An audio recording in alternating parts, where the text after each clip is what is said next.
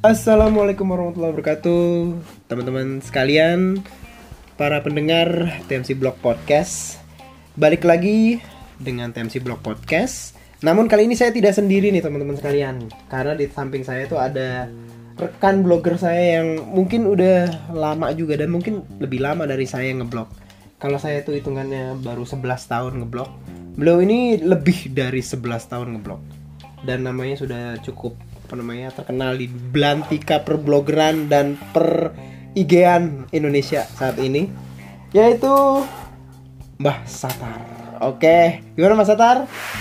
Ya baik-baik aja Ada pekerjaan baru sekarang Lebih berkonsentrasi menjadi selebgram otomotif Oh ya. mantap.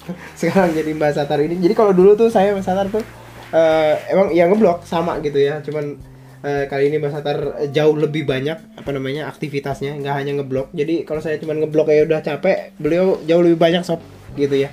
Jadi kalau teman-teman sekalian eh, bisa lihat di akun Instagramnya @mbahsatar ya mas. Iya iya iya bro. Iya begitu ceritanya kurang Ya lebih Kang begitulah. Taufik. Jadi ya mohon maaf gitu. Jadi memang Mbah Satar ini saya ajak untuk membicarakan eh, pembicaraan yang memang biasa di kita omongin ya di TMC Blog Podcast, terutama soal eh, balap dan bisa lebih eh, fokusnya lagi ke MotoGP. Em, untuk teman-teman ketahui, kami ini sed- apa namanya merekam podcast ini di di kota Tokyo.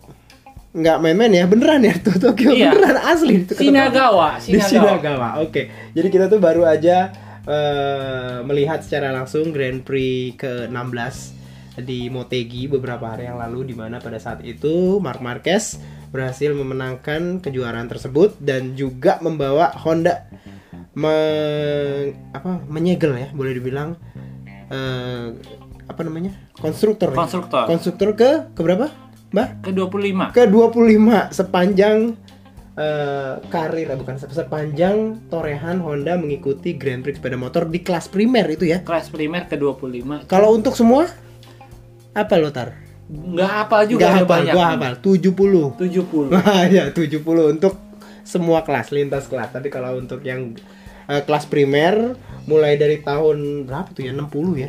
49 ya Kalau MotoGP nya mulainya Red, Redman. Oh, MotoGP itu Grand Prix. Grand Prix, Grand MotoGP 49. mulainya 2000 2002. 2002 ya Oke 2002 dari dari Grand Prix yang dua tak segala macam itu Jim Redman kalau nggak salah pertama.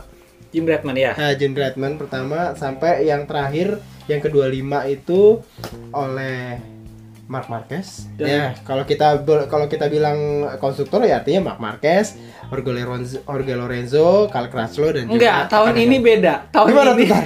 tahun ini konstruktornya adalah klasemennya adalah yang kedua adalah uh, diperebutkan Ducati, Yamaha dan Suzuki ya. Yang pertama Ke, konstruktornya konstruktor pertama adalah Mark Marquez. jadi bukan konstruktor Honda ya? Bukan. Oh iya. Bukan untuk tahun ini ya betul.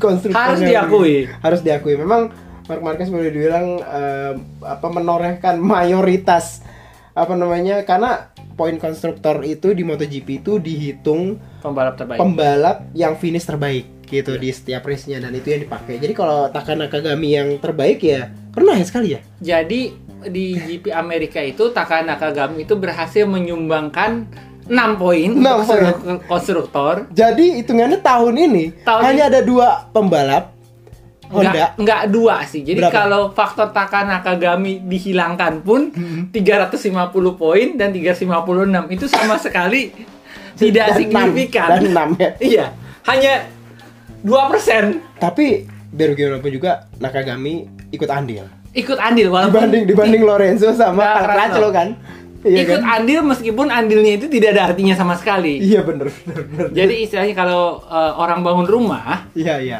Jadi uh, nakagami itu punya Bagian andil, ya? dia itu masang pot bunga gitu di depan rumah.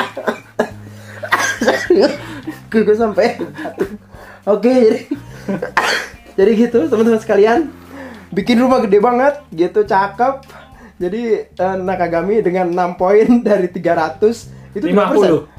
350 ya. 350 berapa persen tuh? Ya 300 aja hitungannya udah satu persen itu dua persen dua persen dua persenan jadi lah ya. tidak sampai Dua persen. Dua persen. Dua persen. Tidak salah itu. dia naruh pot bunga di dalam di depan rumah yang Ya, tapi bagus itu. ada lah dibanding Lorenzo sama. Ta- ada tapi nggak dia nggak nyumbang pun nggak ada artinya. iya iya benar benar benar. Masih tetap menang ya. Masih Honda tetap ya? menang juga. Oke oke ya. Tapi ya bagaimanapun juga anak Agami patut berbangga lah dengan 6 poinnya. 6 Dia poin itu punya Artinya Guardiola. gini, eh, gue gini-gini pernah nyumbang poin loh 6 Jadi buat itu Honda. istilahnya kalau eh, main sepak bola itu Iya. eh, main bola itu menang 5-0. Yes. Eh, lalu Nakagami itu berhasil jatuh di kotak penalti di saat kedudukan sudah 4-0 di menit injury time ketiga. Iya iya. Dan yang ngegolin pun masih bukan Nakagami, masih Marquez juga. Jadi ya nggak ada artinya sih Iya iya sebenarnya. iya benar benar benar. Part of the championship tapi dia nggak ada artinya atau kalau istilahnya kita Ah. bergeser ke main sepak bola gitu. Eh, saya adalah bagian dari klub yang menjadi juara dunia pada saat pertandingan Piala Dunia. Ah, Dia menit dia masuk, Masuk di menit. injury, injury time menit ketiga. Jadi begitu dia masuk ke lapangan langsung period panjang tiga kali dibunyikan. Jadi secara statistik ya dia ada, Ya. tapi secara kontribusi ya nggak ada sih Oh sebenarnya. gitu ya. Ha, ha, ha. Ya jadi gitu. Jadi untuk 2019 ini memang eh, seperti yang sudah pernah kita juga apa namanya eh, apa namanya diskusikan sebelum ini di podcast podcast sebelumnya bahwa memang Honda itu boleh dibilang punya apa ya punya eh, special kayak kayak apa namanya target ya target khusus ya. Kayak jadi sepertinya kayak kenapa dia saya bilang dia punya target khusus? Dia mem- membuat Honda RC 213 V itu memang sengaja. Sengaja apa? Sengaja cuma Marquez doang yang bisa ngerjain. Dan itu memang sudah pada dasarnya secara tidak langsung sudah diakui sendiri seperti kayak oleh Takeo. udah Takeo udah bilang bahwa memang tahun 2019 ini RC 213 V nya tuh nggak didesain untuk semua pembalap. Dan mereka sudah sadar bahwa mungkin hanya Marquez doang. Dan mereka biar membiarkan eh, eh, mungkin boleh dibilang Honda ini li- liar. Karena mereka tahu seliar liarnya motor ini anak ini ini alien yang satu ini pasti bisa ngerjain Kalau menurut gua sih akan jawab lebih jujur ya. Nah. Dia hanya dia bukan menciptakan motor untuk tidak semua pembalap. tapi dia Wah, hanya gila. bikin hanya untuk Marquez saja udah. Terus Ah, iya. yang lainnya ya ya, masa bodoh. Iya, Bisa iya. dikatakan masa bodoh sih sebenarnya.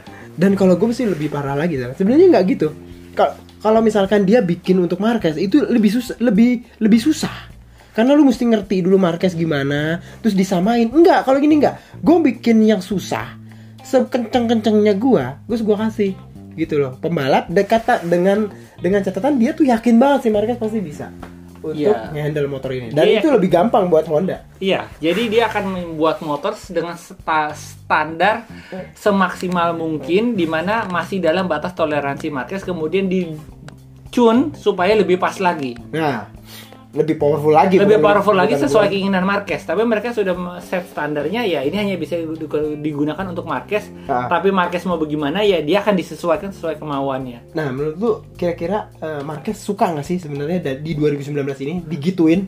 Dikasih Ah. motor yang susah, Kalau dia nggak suka dia nggak enjoy ya? nggak akan enjoy dan dia nggak akan sebagus ini dia pasti suka dan dia juga sebenarnya oke lah Marquez itu adalah jokernya MotoGP Oh, dia iya, iya. kalau bisa dibilang di antara seluruh pedok mungkin pembalap yang paling tidak disukai adalah Marquez Iya. khususnya oleh pembalap Honda sendiri Ah, betul. dan saya yakin alasan eh, Honda menarik Lorenzo Nah, adalah bukan untuk membantu Marquez tetapi untuk mematikan kompetisi kompetisi. Jadi Oh. mengurangi lawan satu. Mereka sudah tahu kok Lorenzo melemah. melemahkan kompetitor. kompetitor. Jangan sampai Lorenzo ini pindah misalkan ke Yamaha. Wah, ngeri. Ngeri. Ah, jangan sampai juga Lorenzo pindah ke Ducati, ngeri Atau juga. tetap di Ducati kan itu Ngeri sudah juga. potensinya berbahaya Oh, kan. Iya, iya, iya, bisa, bisa, bisa, bisa. Kalau kayak gitu, kira-kira gampang dong keluarin duit gede lagi, tinggal dibeli ya Quartararo tahun depan. Kayaknya mungkin nggak gitu. Kayaknya Untuk kalau mel- melemahkan kira-kira Yamaha mau gue lemahin lagi. aku melihatnya Quartararo itu seperti Zarco cuman versi lebih muda dan versi belum pernah jadi juara dunia. Ah, iya, iya. Karena kalau kita ngelihat sepak terjang Quartararo musim ini, apa bedanya dengan sepak terjang Quat, eh, Zarco. Zarco di tahun 2017 dan 2018? Dia bisa pole, dia bisa podium, dia bisa fight buat kemenangan. Tapi eh, pressure-nya ke Marquez beda.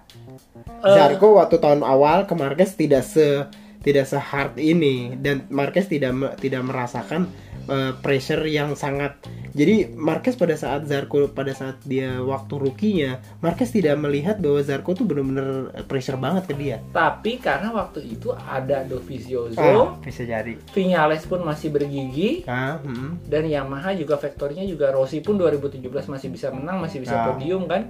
banyak Mas- ya Ya banyak Cabang sekali ya, cabang bercabang gitu loh. kalau sekarang ya dia mau nggak mau ya dia doang ya Nggak mau nggak mau sekarang ya tinggal Dovizioso dan Dovizioso juga udah kehilangan eh, semangat ketika lewat GP Iya. Barcelona ya. Iya, Jadi- iya, benar. Jadi memang mau nggak mau seolah-olah Quartararo tapi gua- aku sih ngelihatnya ya Quartararo itu hanya sebagai gorengan aja supaya persaingan MotoGP itu masih hangat masih gitu. kelihatan oke oke oke nah kira-kira ke depan bro gimana 2020 Honda 2002. kita nggak nggak ngomongin perbaikan lain dulu biar ini biar jelas dulu Honda dulu Honda yang menarik itu faktor Zarco ya. Hmm. Zarco itu bagaimanapun dia adalah juara dunia Moto2 dua kali dan Ya. dalam sejarah hanya kita ngomongin dulu ya jadi sebenarnya Johan Zarco memperoleh kesempatan menggantikan Taka Nakagami di tiga race terakhir Phillip Island Sepang dan Valencia oke terus Mbak dan, dan aku juga cukup curiga kenapa Takagami itu mendadak dia diperpanjang kontraknya. Nakagami Iya, iya jangan dia mendadak diperpanjang kontraknya memang sudah pasti diperpanjang tetapi Iya. setelah diperpanjang Nah. kamu harus ab- absen tiga seri itu pertanyaan kenapa harus absen toh dia juga kalau dibilang masa recovery Marquez butuh Lama. waktu lebih lama dari itu dan Ah. Takagami juga bisa fight buat top 10 kenapa dia di stop di tiga seri terakhir apa ini apakah memang Honda ingin mengetes dulu sepertinya gitu. sebagaimana Zarco karena hitungannya gini uh, um, secara ini uh, enggak ini ya.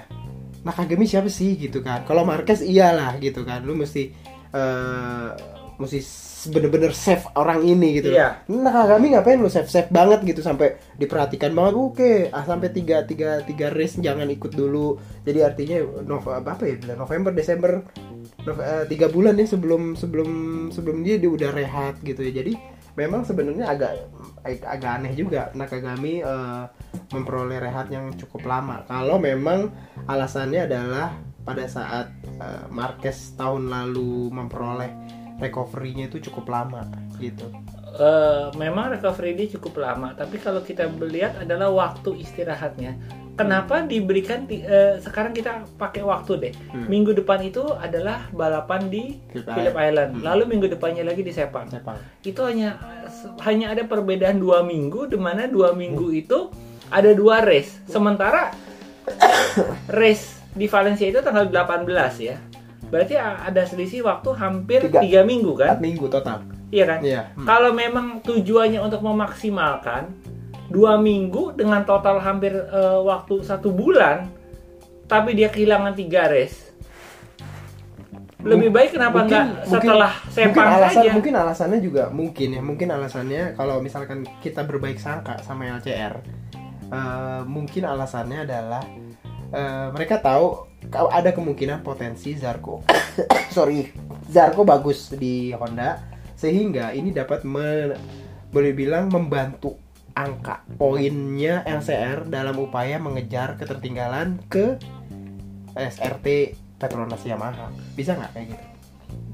Walaupun memang jauh Gini, dan berat banget. Kalau kita bicara sebagai orang yang baru meliput MotoGP setahun, dua tahun, tiga tahun, empat tahun, lima tahun sih mungkin bisa iya ya. Nah, Tapi ini nggak usah 10 tahun deh. nah, orang setahun juga udah akan curiga gitu. Kenapa dia tahu-tahu di stopnya itu di tiga seri terakhir di mana itu adalah nah jatah maksimum wildcard loh oke ya.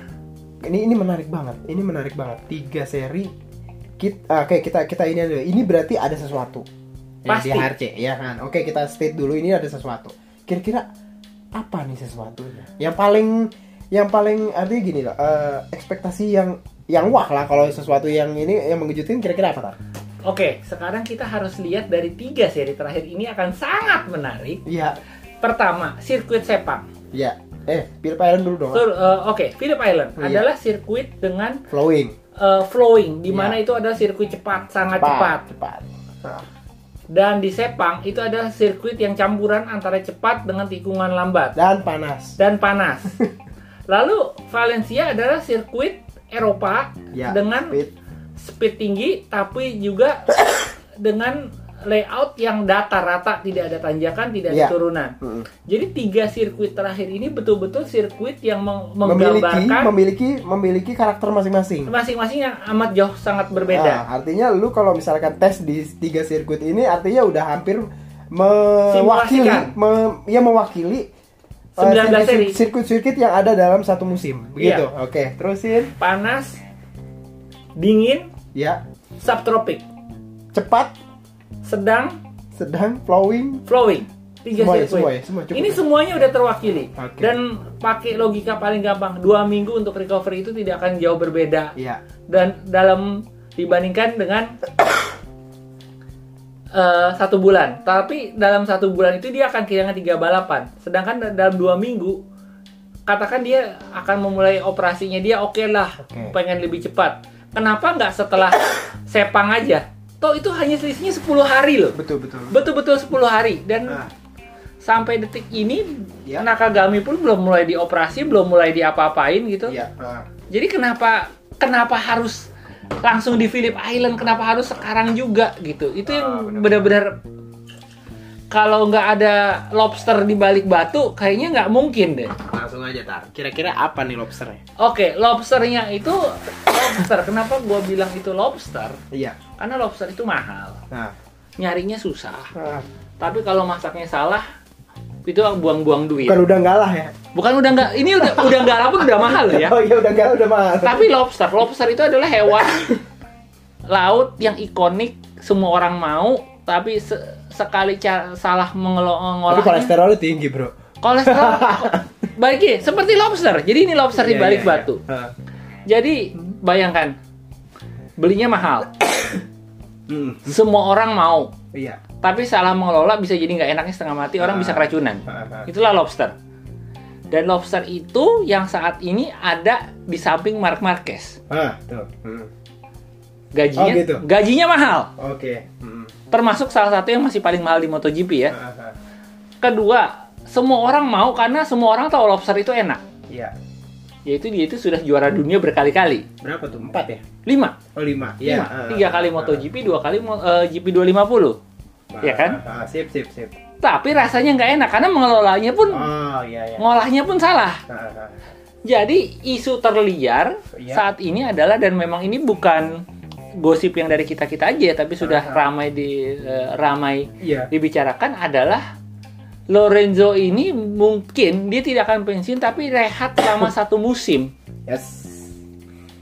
dan ini adalah kejadian yang berkali-kali di mana se- se- sebuah tim menyewa pembalap hasilnya pun jauh dari ekspektasi Nah. itu itu banyak sekali kejadian Eh, ini bukan yang pertama ya di era MotoGP itu ada contohnya sebut aja Valentino Rossi waktu di Ah. Ducati Hmm.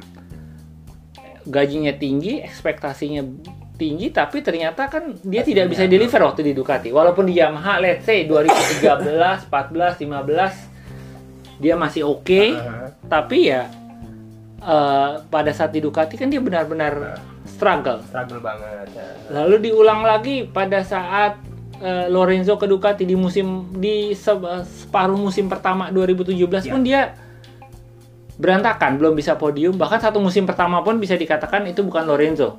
Mirip seperti Rossi hanya dua kali podium ya, Iya, kalau nggak salah. Hujan satu. Hujan satu, kering satu ya. Iya. Dan benar-benar mengecewakan. Baru di musim berikutnya Lorenzo itu deliver Iya. tiga kali kemenangan dan berbagai podium. Ya. Setelah lemas apa lemas ya? Lemas. Lemang setelah Lemang ya kan. Jadi sepertinya di MotoGP itu harusnya sih cukup fair sebelum sebelum tim memutuskan menyewa pembalap dia harus melakukan uji coba dulu sepertinya. Iya, iya. Dan itu menarik buat buat dilihat apakah Zarko bisa adaptasi atau tidak. Ah, ah. Walaupun akhirnya pada dasarnya dengan memilih tiga kali tanda dengan apostrop tes dengan Tes. Honda, eh, Johan Zarco akhirnya membuang kesempatan untuk jadi test ridernya Yamaha dan kesempatan wildcard Yamaha di 2020. Karena memang ini dia ngelihat kayak ada sesuatu yang jauh lebih besar dari itu ya. Betul. Oh iya iya betul. It makes sense. Jadi teman-teman sekalian, jadi kalau uh, kita uh, apa namanya uh, di sebagai apa berempati sebagai seorang Johan Zarco itu dia mau melepas uh, menjadi seorang test rider Yamaha yang udah diokekan sebenarnya untuk memperoleh wildcard berapa kali dengan Yamaha M1 di 2020 dan semuanya itu akhirnya dilepas. Untuk sesuatu yang hitungannya cuma tiga kali. Make sense apa kagak gitu kan? Ngomongnya kayak gitu kan? Iya. nah gitu. Terusin mbak. Tapi kalau menurut gua antara make sense gak make sense ya. Kalau test rider adalah test rider. nah terus? Siapa pun pembalap yang sudah menjadi posisi test rider nah, terus? tidak akan terus seperti pembalap pada umumnya. Kita lihat Ya. betapa kompetitifnya, kompetitif dan tanda kutipnya Bradel ya, Ya. waktu dia masih di LCR dan bagaimana dia setelah jadi test rider. Just menurun. Silvan Guintoli juga sama. iya iya Lagi pula dia Zarko harus ingat, usia dia tahun depan ada 30 tahun. iya Dan di tahun depan pula di Yamaha itu tetap masih ada Fabio Quartararo iya yang mer- merupakan orang Prancis yang merupakan pasar terkuatnya Yamaha.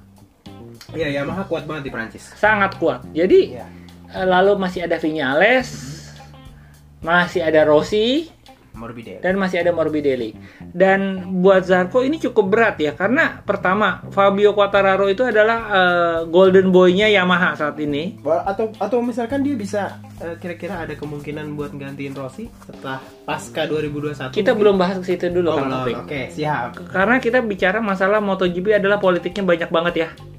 hmm. Alasan kenapa Loris Bas dibuang oleh MotoGP Eh, karena sudah ada orang Prancis lain yang bernama Zarco. iya Dan Zarco tahu betul bahwa sudah ada yang namanya Fabio Quartararo di Yamaha. Hmm, Jadi tidak ada kepentingan Yamaha Perancis terhadap seorang Perancis karena sudah ada Fabio Quartararo. Yang kedua adalah faktor Morbidelli. Hmm. Morbidelli itu walaupun dia itu sebenarnya lebih Brazil, oke tapi karena dia sempat gua katakan sempat di VR46 Nah, di mana fans Rossi itu pasti ingin menyambung-nyambungkan siapa pun pembalap dengan Valentino Rossi dan saat ini kalau mau dicocokologi ya, apa Ya, cocokologi ya, ah, ah, cocokologi, ah. dicocok-cocokin adalah Morbidelli. Jadi suka nggak suka Morbidelli itu tetap dianggap representasikan Rossi terutama di Yamaha ya di Yamaha Hmm. dan di fansnya Rossi yang masih cukup banyak juga di MotoGP ya. Zarco tuh pu- uh, punya target maha berat, Hmm, kalau di Yamaha kalau tetap di Yamaha. Sedangkan kalau di Honda memang dia memang benar-benar kalau kita istilah main judi poker dia tuh sudah all in. Semua chip dia masukin di nggak ngerti dah terus di di meja judi. ah terus Jadi semuanya dia masukin, dia all in. Ya kalau memang dia bisa bagus Heeh. dia bisa balap buat Honda kalau dia nggak bagus ya apes-apes dia akan ke World Superbike sih oh gitu oh gitu ya untuk se- sementara ini memang World Superbike masih satu sih masih satu loh Iya iya. ingat, Alvaro ingat. Bautista, kan? Walaupun memang eh, tak ah siapa sih satu lagi? Takumi ya. Nah, Takahashi ya. Takumi Takahashi. Takumi Takahashi tapi dibanding Zarco itu kan bumi dan langit Iya betul betul. jadi Jadi belum state resmi sih. Belum state baru, resmi. Baru baru ba- Alvaro Bautista. Dan itu. dan buat Zarco juga ini ada peluang besar dia juga jadi Zarco sendiri walaupun terkesan dia gambling untuk MotoGP memang mereka gambling tapi let's say dia pun tidak dapat kursi Lorenzo dia bisa mengisi kursi di Cuman World memang- Superbike. Cuman memang yang menarik adalah ya kita kita nih beberapa hari lagi nih mau ngelihat gitu ya. eh, Johan Zarco tuh kayak gimana di atas Honda. Karena apa? Selama ini ya selama ini sampai kejadian terakhir eh, Jorge Lorenzo ya orang yang pindah dari inline ke V4 itu struggle. Nah Iya. kalau ini kita juga pengen tahu nih sekali lagi apakah bener gitu stigma bahwa orang pindah udah kelamaan enak di inline 4 pindah ke V4 itu struggle lagi. Nah kalau Zarko ini enggak, wah ini menarik banget Tar. Kalau misalkan besok dia masuk top 10 aja, wah itu ngeri. Tapi ini agak ada satu hal yang harus kita catat ya buat Hmm. pendengar podcastnya Kang Taufik juga. mesin yang digunakan oleh Zarko adalah mesin 2018. 2018. Which is lebih Sangat friendly. friendly. Lebih friendly lah, jangan bilang sangat lah. Crash bisa menang dua kali loh. Oh iya benar. Jadi- iya iya iya. Dan itu artinya apa? Artinya ini mesin jauh lebih memang jauh Dan lebih friendly. Lorenzo bilang ini gue bisa cepat pakai inian. pakai mesin yang lama pun dia di lebih, Valencia, lebih, lebih cepat pada saat dia uji coba. Jadi ya ini hasilnya pun sebenarnya cukup abu-abu juga Ah, belum bisa merepres merepresentasikan apakah dia bisa apakah dia bisa di mesin 2019. 2019. Tapi masalahnya dia tidak akan pernah kalaupun dia bergabung kepada Honda HRC, dia tidak akan mera- pernah merasakan mesin 2019. Ya, kan langsung 2020. Karena dia akan langsung menggunakan mesin 2020 jika dia menggantikan Lorenzo. Jadi buat Zarko Tapi kan mo- motor 2020 sendiri sepertinya masih tetap akan market sentris. Gimana? pasti akan market sentris tapi kan ki- tidak eh, let's say kita belum tahu seperti apa Hmm, hmm. kita belum tidak eh, tahu se- segila apa ini motor sebegini sebagai seliar apa ini motor jadi Zarko masih berharap ya siapa tahu Iya. toh pun siapa tahu Mm. dia bisa lebih baik daripada KTM siapa tahu karena ingat Zarko ini sudah dapat kursi di MotoGP aja sudah bersyukur jadi ya sudahlah kalaupun dia harus pakai mesin 2019 toh sehancur-hancurnya dia mungkin dia tidak akan sehancur di KTM iya. jadi Zarko adalah all in yang masuk akal menurut Ya memang. gua ya Dan artinya sampai saat ini sih ya terlepas kita belum tahu ya hasilnya seperti apa day one dia pakai nanti hari Jumat ya free practice satu. ya Eh, boleh dibilang sih memang cukup make sense ya pilihan dia untuk lebih memilih eh, race 3 seri dengan eh, LCR Honda 2018 RC213V dibandingkan dengan dia memilih Test Yamaha rider. M1 Test 2020. rider. Jadi seperti itu ya. karena tes ri- begitu jadi test rider sampai saat ini belum pernah ada pembalap yang berstatus test rider menjadi pembalap reguler lagi lah Nah, bahkan Mika Kaliu Mika Kallio ya itu kan jadi ya. kebetulan Dan- Iker, Iker Lecuona ya. iya Kalau nggak salah ya tahun 2020. Jadi Nah. jadi KTM sendiri nggak begitu ya. Dan Iker Lecuona jadi Iker Lecuona yang naik podium aja. Belum pernah. Iya. Ya udah, itu itu chapter lain. itu chapter lain dan saya terdiam. Nggak, dan sorry. aku terdiam loh. Sorry, sorry karena memang uh, podcast ini eh, direkam beberapa jam sebelumnya hadir berita itu Iker Lecuona kemungkinan akan menggantikan uh, Johan Zarco untuk 2020 ya. ya KTM. kalau nggak berhasil nanti diganti sama Iker Casillas Tapi ini tim factory loh. Tim factory masukin pembalap yang namanya Iker Lecuona. Gue sih pertama-tama dengerin sih kayak yang ini beneran nih berita gitu loh. Ini kan tim factory gitu loh. dan Iker Lecuona sendiri di Moto2 pun juga ya dia pun di luar top 10 loh Iya. bahkan dia lebih sering fight lawan Dimas Eki Kenapa Ya- nggak dia ambil itu aja Alex Marquez itu kali? Oh, kalau bicara Alex Marquez, ini sebenarnya ada hubungannya juga sih untuk tahun 2021. ya gimana tuh? Jadi ini ada isu yang lebih liar lagi bahwa Kratsko dikabarkan mau pensiun. Iya betul. Dia udah ngomong banget tuh. Dia ngomong banget dan kemungkinan dia akan jadi test rider kok. Katanya dia akan lebih memilih jadi test rider Tes rider HRC. HRC. Oke. Karena dia kan masa traveling namanya Ah ya udah. As usual orang Inggris adalah Keluarga. lebih manusia daripada orang Spanyol. Dan Itali. Itali. Itali paling nggak spa- nggak paling nggak ya. Eh, Itali sama Spanyol levelnya gimana? Tan? Ya, itu kita 11, tidak 12 kita tidak bisa membicarakan di dalam podcast Oh, iya, karena itu merupakan ranah pribadi yang di Atau ntar chapter lain. di benua Eropa itu nggak masalah. Tapi kalau market Indonesia itu bisa Wah itu multi tafsir dan. sa- multi tafsir dan berujung-ujung kepada masalah sara. Jadi nggak mungkin kita bahas itu. Oke, ya. Nggak bisa. Nggak di podcast pun kayaknya. Kalau mungkin saya Atau punya kita, kita bikin podcast lain itu mah. kalau podcast Mbah Satar mungkin bisa Iya. featuring Kang Taufik, tapi kalau Kang Taufik featuring Mbah Satar membahas masalah MotoGP itu nggak mungkin masalah Oke, yang ini nggak mungkin kita bahas. Skip. Skip, pas. Tuh, kita udah udah udah cukup ini ya, cukup apa? Cukup menyimpang ke Iker Lecuona segala. Balik lagi ya supaya nggak terlalu jauh.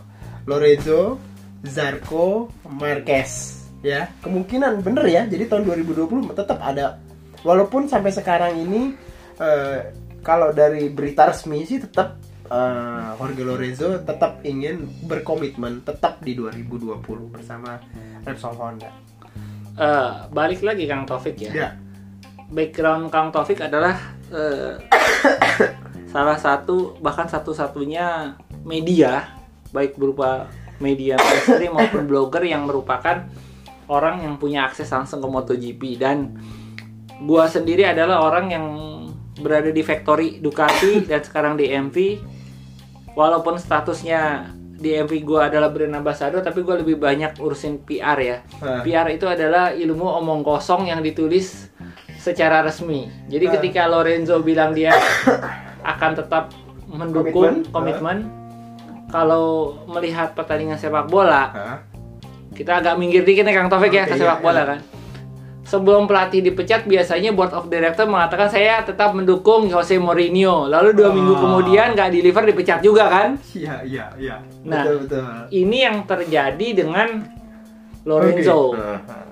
Jadi dan di Oh, HRC biar atmosfernya nggak terlalu nggak terlalu panas ya. nggak terlalu panas juga Oke, dan masih mereka pun sebenarnya juga tidak menginginkan Lorenzo pindah dengan segitu mudahnya ya. Ah. Cuman kalau memang tidak bisa diselamatkan ya apa boleh buat. Hmm. Ini sama dengan isu Bisa Valentino baik-baik lah. bisa baik-baik. Oke, aman. Tetapi ingat di HRC itu ada namanya divisi divisi Marquez sih. Ah, itu ah, itu lembaga ah, super body yang sejujurnya ah, ah, ah. kalau kita kembali ke tahun 2003 2004 ya. Alasan Rossi keluar dari Honda Ya karena Honda tidak mau ada lembaga super body. ya dan eh, dia bilang bahwa ini sebenarnya mesin kami lebih ya maksudnya mesin kami punya andil lebih dibandingkan manusianya. Nah, gitu. kalau sekarang dengan itu kita balik ke hampir 15 tahun yang lalu ya. Iya, iya. di mana media tidak seperti sekarang knowledge pembaca pun tidak seperti sekarang mereka akan lebih belum ada blog loh ya waktu Iya. itu belum ada blog belum ada sosial media belum ada apa jadi nah kalau sekarang kan kita bisa pakai matematik bahwa Ah, ya tanpa Marquez mungkin Honda akan balapan dengan Iya, KTM Tech 3 iya. ataupun Avindia Mm-mm, mm-mm. jadi eh, di sini memang di HRS itu ada lembaga super body yang jelas-jelas lembaga super body itu kita bisa lihat ketika Marquez meminta tidak ada perubahan tim, di mana HRC itu ya biasanya rolling. rolling, Ya. hanya ada tiga. Jadi ceritanya yang di rolling hanya wakil dari Jepang, sedangkan eh, part eh, dari timnya Mark Marquez yang dibawa semenjak Moto2 itu tidak diganti. Jadi seperti itu. Dan kenapa Takeo Yokoyama udah sampai bekarat di timnya Marquez? Ya itu kan juga sudah sebagai bukti bahwa ah, ada ada dinosaurus di balik batu juga kan? Ya, jadi memang eh ya gitu ya. Apa namanya? Susah juga ya artinya kalau udah ada udah mulai ketergantungan jadi menurutnya karena itu Iya. gitu. Pertama, Honda itu kan bersama Marquez dia akan mencetak sejarah, Iya. terus menerus mencetak sejarah. Iya. Dan usia Marquez yang baru 26 tahun berarti otomatis sejarah MotoGP itu adalah mereka aka- eh, masih bisa juara dunia sampai dengan usia 30 menuju 31 yaitu Valentino. Rossi tahun 2009. Iya. Itu adalah pembalap MotoGP tertua yang jadi Iya. juara dunia umur 30. Mm. Let's say Marquez dari masih ada empat musim lagi, katakan dia menang tiga dari empat musim tersebut Iya. untuk mencapai gelar ke Dia 11. 11.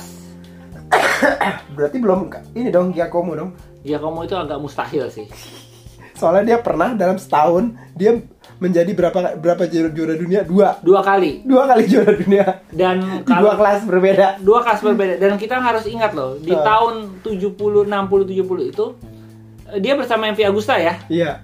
dan gue sebagai representatif MV Agusta gue secara jujur MV Agusta yang turun di Grand Prix waktu itu adalah MV Agusta divisi pesawat dan helikopter Iya.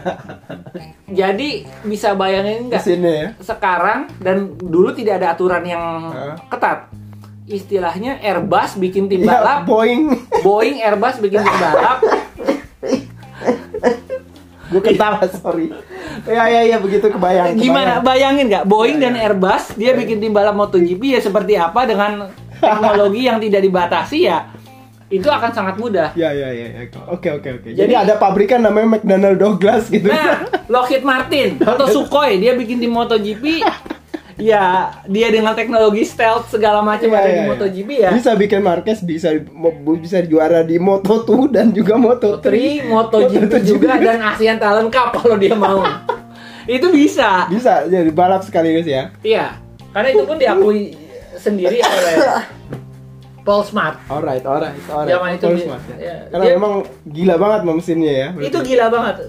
Dan waktu itu Paul Smart itu masih pakai Ducati, dia bilang Dan mungkin yang lawannya paling ini Kawasaki karena Kawasaki bikin kapal laut, kapal laut kapal ya. laut, pesawat juga gitu. Tapi masalahnya waktu itu Kawasaki Jepang masih miskin. Iya, Nggak betul. mungkin juga. Dan itu memang unfair. Iya, iya. Itu unfair dan itu juga memang merusak statistik. Jadi kenapa pada saat itu Ducati nggak nggak jalan? Karena dibikin radio, Ini men. radio. Ducati itu bikin radio. Honda bikin Honda itu masih bikin Sepeda. sepeda. sepeda. gitu dan Suzuki alat tenun. alat tenun. Dan dia baru belajar bikin MV motor. Agusta bikin pesawat, Kawasaki bikin kapal laut. kapal laut. Jadi ya waktu itu ya memang MV statistik Agusta. destroyer gitu loh. MV Agusta. Jadi ya kalau memang MV Agusta berbangga-bangga dengan 37 gelar juara dunia ya Make sense. make sense tapi juga omong kosong. Iya iya iya iya. Oke oke masuk masuk. Nah. Masuk. Jadi teman-teman sekalian udah dapet ya. Kenapa MV Agusta waktu itu kayak yang memperoleh statistik yang belum bilang untouchable ya. nggak bisa disentuh lah. Jadi kalau Marquez nih sekarang tiba-tiba nanti dia melewati Giacomo Agustini, Honda ini berarti gila ya berarti ya. Oh, Ini luar biasa karena memang dengan aturan yang ketat, ban yang ketat, homologasi ban. Bayangin nggak kalau kita bicara waktu di tahun 70-an ya. Lu pakai mesin apa juga? MV Jangan kan itu dah. 2002 lu bisa pakai mesin yang V5 V5 gitu kan. dan waktu Agostini juara tahun Nah. itu dia sudah pakai winglet Iya benar. dia sudah pakai winglet dia punya tiga pilihan mesin Iya. tiga silinder 500 cc Hah? empat silinder 500 cc dan 6 silinder Bener, 500 cc di setiap seri tinggal dipilih Iya bener. dan teknologinya juga udah pakai titanium mungkin vibranium mungkin Iya. jadi memang sedikit unfair Race directionnya pun ilmunya tidak setinggi itu ya kayaknya ya. dan iya Res- Dia cuma manggut-manggut doang lihat mesin kali itu. Dan yang yang lebih menarik adalah eh, itu adalah eh, balapan itu adalah ketika Count Domenico Agusta meninggal Iya. Ah, Domenico. proyek MotoGP pun dihentikan karena memang itu hanyalah hobinya pe- pemilik pesawat itu jadi yang punyanya meninggal ya bikin balik lagi bikin pesawat nggak bikin motor balap hilang langsung Oke. jadi, Jadi itu kita flashback tadi ya. Sebentar balik lagi ya mengenai Marquez sentris. Marquez sentris. Oke Marquez tidak suka dengan Lorenzo Nah. itu fakta bahkan siapa pun di MotoGP tidak ada yang suka dengan Marc Marquez Iya. itu pasti Gitu. Itu pasti tapi eh Kak Kacho mau pensiun Nah. Nakagami adalah orang Jepang Ya, itu memang dipakai. Oke. Coba itu itu istilahnya dia apa ya? Brand ambassador. Iya, mau nggak mau suka nggak suka dia dipakai. Lalu masih ada Mark Marquez, Nakagami, Mhm. dan ada dua kursi kosong. Hmm. Jika Lorenzo keluar, dia akan digantikan Zarco. Kok? Mhm. Jika. Jika Castro pensiun, Mhm. itu akan digantikan oleh Alex Marquez. Oh yes, make sense, make sense. Make sense. Itulah Karena- kenapa di delay ya. Walaupun ada, ada kemungkinan tahun ini Alex Marquez yang juara Moto2. Iya, tapi tetap di delay karena Di-delay. karena apa yang terjadi jika tahu-tahu Mar- eh, Alex Marquez itu oke, katakan dia tidak ke Yamaha, Nah, Ducati lah. dia ke Ducati. Mhm. Lalu pembalap Ducati dengan pembalap Honda tinggalnya serumah, Iya, makan malam bareng. iya. Apa yang terjadi? Yang terjadi ya ya gitu lah pasti nggak akan mau menurut gua Itu nggak akan fair. nggak mau- nggak nggak bakalan mau Hmm. Dan bagaimana kalaupun kita ngelihat Aprilia dengan Paul Espargaro dan KTM dengan eh, apa eh, Aprilia dengan Aleix Hah? dan KTM dengan Paul, ya mereka kan juga bukan kontender juara dunia dan dua-duanya pun masih meraba-raba untuk mencari podium pertama di lintasan kering. Iya, Jadi iya. itu kalau ini ada banyak eh, apa namanya sangkutan ya, ya boleh bilang ya boleh bilang spy lah. Yang, Iya. yang mengerikan itu spy-nya gitu kan, karena memang antara Ducati dan Honda itu kontender banget selama Betul. ini. Jadi seperti itu teman-teman sekalian. Eh, jadi ya untuk 2020 jadi kayak ma- masih ya eh, Honda akan masih market sentris. Nggak hanya nggak hanya pembalapnya, nggak hanya mesinnya, sistemnya juga. Market sentris. itu. Market, market sentris boleh dibilang super body boleh karena memang ya kenyataannya begitu super body. Ini sudah bukan seperti ini seperti penyanderaan. Penyanderaan serem. Ya, ini ya, cukup ya. ini cukup serem dan cukup memang sebenarnya buat eh, dengan budaya Jepang yang hierarki dan mereka pun Biasanya enggak kalau Jepang. eh, dan mereka juga masih ada konsep gaijin ya. Iya. Gaijin itu adalah orang barat di mana mereka lebih cenderung Jepang sentris. Mm. Tapi seorang gaijin bisa menguasai satu pabrikan ya mau bagaimana lagi mereka juga udah nggak udah nggak bisa berbuat banyak juga kali ini. Hmm, benar benar. Kecuali kecuali ya kalau Iya. dia menemukan talenta baru yang bisa kayak Marquez. Dan walaupun itu sekarang belum ngeliat gua. Se- kalau mau oke ada dua faktor yang Ya. saya lihat ya aku lihat dari masalah menggantikan Marquez Hmm. Marquez adalah record breaker Iya pasti. katakan dia pindah ke KTM Hmm. Satu seri saja dia ju- jadi juara dunia di tim KTM karena saat ini KTM ada satu-satunya tim ataupun Ducati yang bisa membayar gaji Marquez yang sudah sama dengan pemain bola Hmm. Cristiano Ronaldo dan Lionel Messi dia bisa pindah dia bisa jadi juara orang hanya akan mengingat kehebatan Marquez Iya. Hmm. bukan kehebatan Honda Hmm. karena dia membuktikan bisa juara di dua pabrikan apalagi pabrikan tersebut sangat sangat sangat sangat mediocre Hmm. Hmm. Orang akan bilang oh selama ini yang hebat itu bukan Honda Hmm. tapi Marquez walaupun Marquez juaranya bersama Ducati Hmm. semusim saja yang hebat adalah Marquez Hmm. bukan Pabriknya. bukan Honda. Bukan Dan ini sudah terjadi sama Ducati. Yang hebat itu adalah Stoner, bukan Iya. Ducati. Hmm. Padahal Stoner hanya sekali dengan Ducati. Tapi orang sudah menganggap bahwa selama ini hebat adalah Stoner. Dan Honda sudah spend ratusan juta dolar, triliunan Iya jauh banyak banget. Untuk Marquez, untuk HRC, lalu kemudian Marquez pindah tim, itu adalah PR disaster. Dan ingat, Hmm. begitu Marquez pindah tim, pindah pabrikan, Semuanya pindah. timnya pindah pun brand image-nya Brand. pun Honda sudah tidak bisa menjual nama 93 sebagai juara dunia lagi. Iya, pasti. Hmm. Dan karir Marquez masih sangat sangat sangat sangat panjang. Hmm. Jadi di sini Honda sudah nggak ada pilihan selain mempertahankan Mark. dan memang sepertinya masih akan berlanjut selama beberapa tahun. Kita belum lihat nih soalnya ada kemungkinan uh, apa namanya orang seperti Marquez bisa menggantikan posisinya. Mudah sih sebenarnya. Kalau dia dia itu katakanlah namanya si Fulan, Hmm. dia harus juara dunia Moto2 umur 16 tahun. Ya. Hmm. Eh sorry, eh, eh, Enggak, Moto3 18. Moto2 Moto2, 16 tahun. Moto, iya Moto3 16 tahun. Moto3 16 tahun. 8 17 18 tahun. 8 ya. Moto2-nya Dan dia harus langsung jadi juara dunia di musim pertama MotoGP. ya itu. Karena memang itu adalah boleh dibilang memang catatan yang boleh dibilang amazing bahkan Rossi nggak begitu ya Rossi sendiri dia juara dunia di MotoGP itu GP 500 itu di musim kedua. Iya. Dan di race pertama pun Rossi crash. Iya. Mm-mm. di race pertama Marquez podium. Mm-mm. jadi ini ada sesuatu pencapaian yang luar biasa dan di berat. tahun kedua dia bisa 10 race back to back. Eh dan itu. Itu itu gimana caranya? Itu agak bingung kecuali kita flashback ke tahun 60-an dengan dengan mesin pesawat. mesin pesawat MP Agusta dengan pembalap Agustini ya itu mungkin bisa terjadi tapi kalau untuk sekarang katakanlah sebut saja lima tahun atau enam tahun kemudian agak susah ya dapat Marquez. benar orang kayak begitu lagi ya. Iyalah sebut bahkan saja. adiknya juga mungkin kayak begitu. Adiknya aja sudah telat umurnya udah Iya, 24 bener, tahun. bener, bener. let's say Marquez memilih tahun-tahun katakan dia mencapai rekornya Agustini dia pindah ke F1 karena Nah. Marquez itu memang gila tantangan dan dia bisa aja ke Red Bull Iya, F1 iya, bisa bisa bisa. dia pindah. Let's say Marquez sudah di F1 Heeh. atau dia sudah bosan balap MotoGP. Masih ada Quartararo masih ada Rins. Ya Rins. Mir. Masih masih masih ada Mir. Mir. Nah masih ada Morbidelli Vinales. Iya.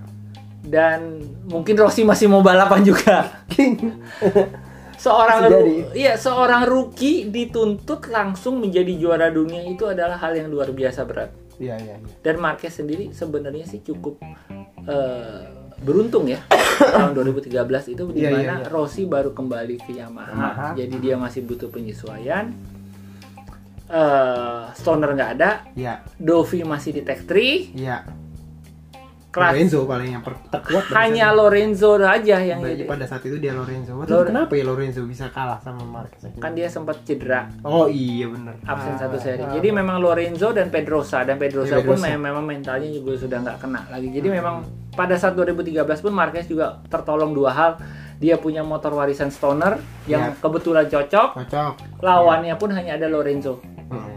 satu yang benar-benar capable. Jadi ya itu antara nasib, teknologi dan Iya, permainan. tapi dia juga able sih bisa ngerjain juga sih ada juga sih Jelas, dia ada pasti talenta. talentanya karena dia untuk megang motornya Stoner itu bukan orang sembarangan juga Betul. gitu kan kan Betul. Tapi Hmm. tapi ya untuk direplicate walaupun Iya, dikerjasama betul. dengan pabrikan dengan Dorna untuk langsung jadi juara dunia itu ya adalah hal yang sulit. ya kecuali mungkin Boeing datang Iya, Boeing datang karena kasusnya 737 Max-nya sudah di grounded semua. Akhirnya dia mau bikin balap motor aja Alright. daripada bikin pesawat. Ya mungkin bisa gitu. Ya, saat ini mungkin orangnya mungkin masih belum Ya, ya. lahir. mungkin kali Andi ya. Gilang juga bisa menang kalau dikasih mesin Boeing gitu Nah, mungkin Andi Gilang bisa menang, Dimas Eki bisa menang. Gary Salim Jadi Sari Mario Sore bisa menang gitu. Iya, iya, Dengan iya. syarat tidak ada pembatasan teknologi ya. ah iya betul betul. Jadi itu sulit direplicate dan memang. Jadi seperti itu teman-teman sekalian. Jadi ini adalah udah lumayan, udah hampir satu jam kita ngomong. Jadi eh, apa namanya konklusi ini udah kita stop dulu ya, ya. Kita Oke. stop dulu. Nanti kita akan buat lagi yang kedua. Jadi kita tuh tadi udah ngomongin masalah apa ya Zarko, terutama ya dari Iya, Zarko. Eh, lebih hubungannya apa apa namanya kita mengun- menelisik lebih dalam. Jadi sebenarnya itu ada ada apa namanya tadi dia bilang Satar bilang Eh, bukan udang ya, bukan Lobster. udang enggak, lobster lobster di balik batunya tuh apa gitu. Dan memang kalau dilihat-lihat memang lebih make sense eh, memang memang ada eh, potensi eh, Johan Zarco itu untuk menggantikan Jorge Lorenzo di 2020. Karena kalau dihitung-hitung value-nya, kalau dia nggak ada hal tersebut itu kecil ya hitungannya kan, Kecil. dibandingkan dia menjadi test rider Iya. di Yamaha dan juga kemungkinan eh, men- apa namanya wildcard di 2020 jadi seperti itu dan hubungannya nanti ke Jorge Lorenzo tadi kita udah ngomong seperti apa dan juga eh, kemungkinan seperti apa 2020 untuk tim Repsol Honda. Ini baru kita baru ngomongin di sekitaran Repsol Honda HRC dan Honda. Walaupun memang sebentar-bentar kita agak flashback ke belakang sampai menyebut-nyebut eh, pabrikan pesawat terbang Pesawat segala terbang yang macam. bikin motor ya. tapi mudah-mudahan teman-teman sekalian yang apa dengerin apa podcast kami itu bisa mengambil benang merah dari cerita ini semuanya dan juga bisa menambah wawasan pengetahuan dan juga wawasan apa namanya eh, tentang MotoGP di akhir musim 2019 ini. Betul. Itu aja eh, podcast kali ini udah cukup lama. Mudah-mudahan kita bisa bertemu kembali di podcast podcast sebelumnya. Jangan lupa juga nanti Om Basatar juga akan bikin podcast sendiri. Ya, nanti pembicaraan juga beda dan mungkin saya juga nanti juga akan hadir di podcastnya Mas Satar. Itu aja. Sampai bertemu di podcast selanjutnya. Assalamualaikum warahmatullahi wabarakatuh. Dah.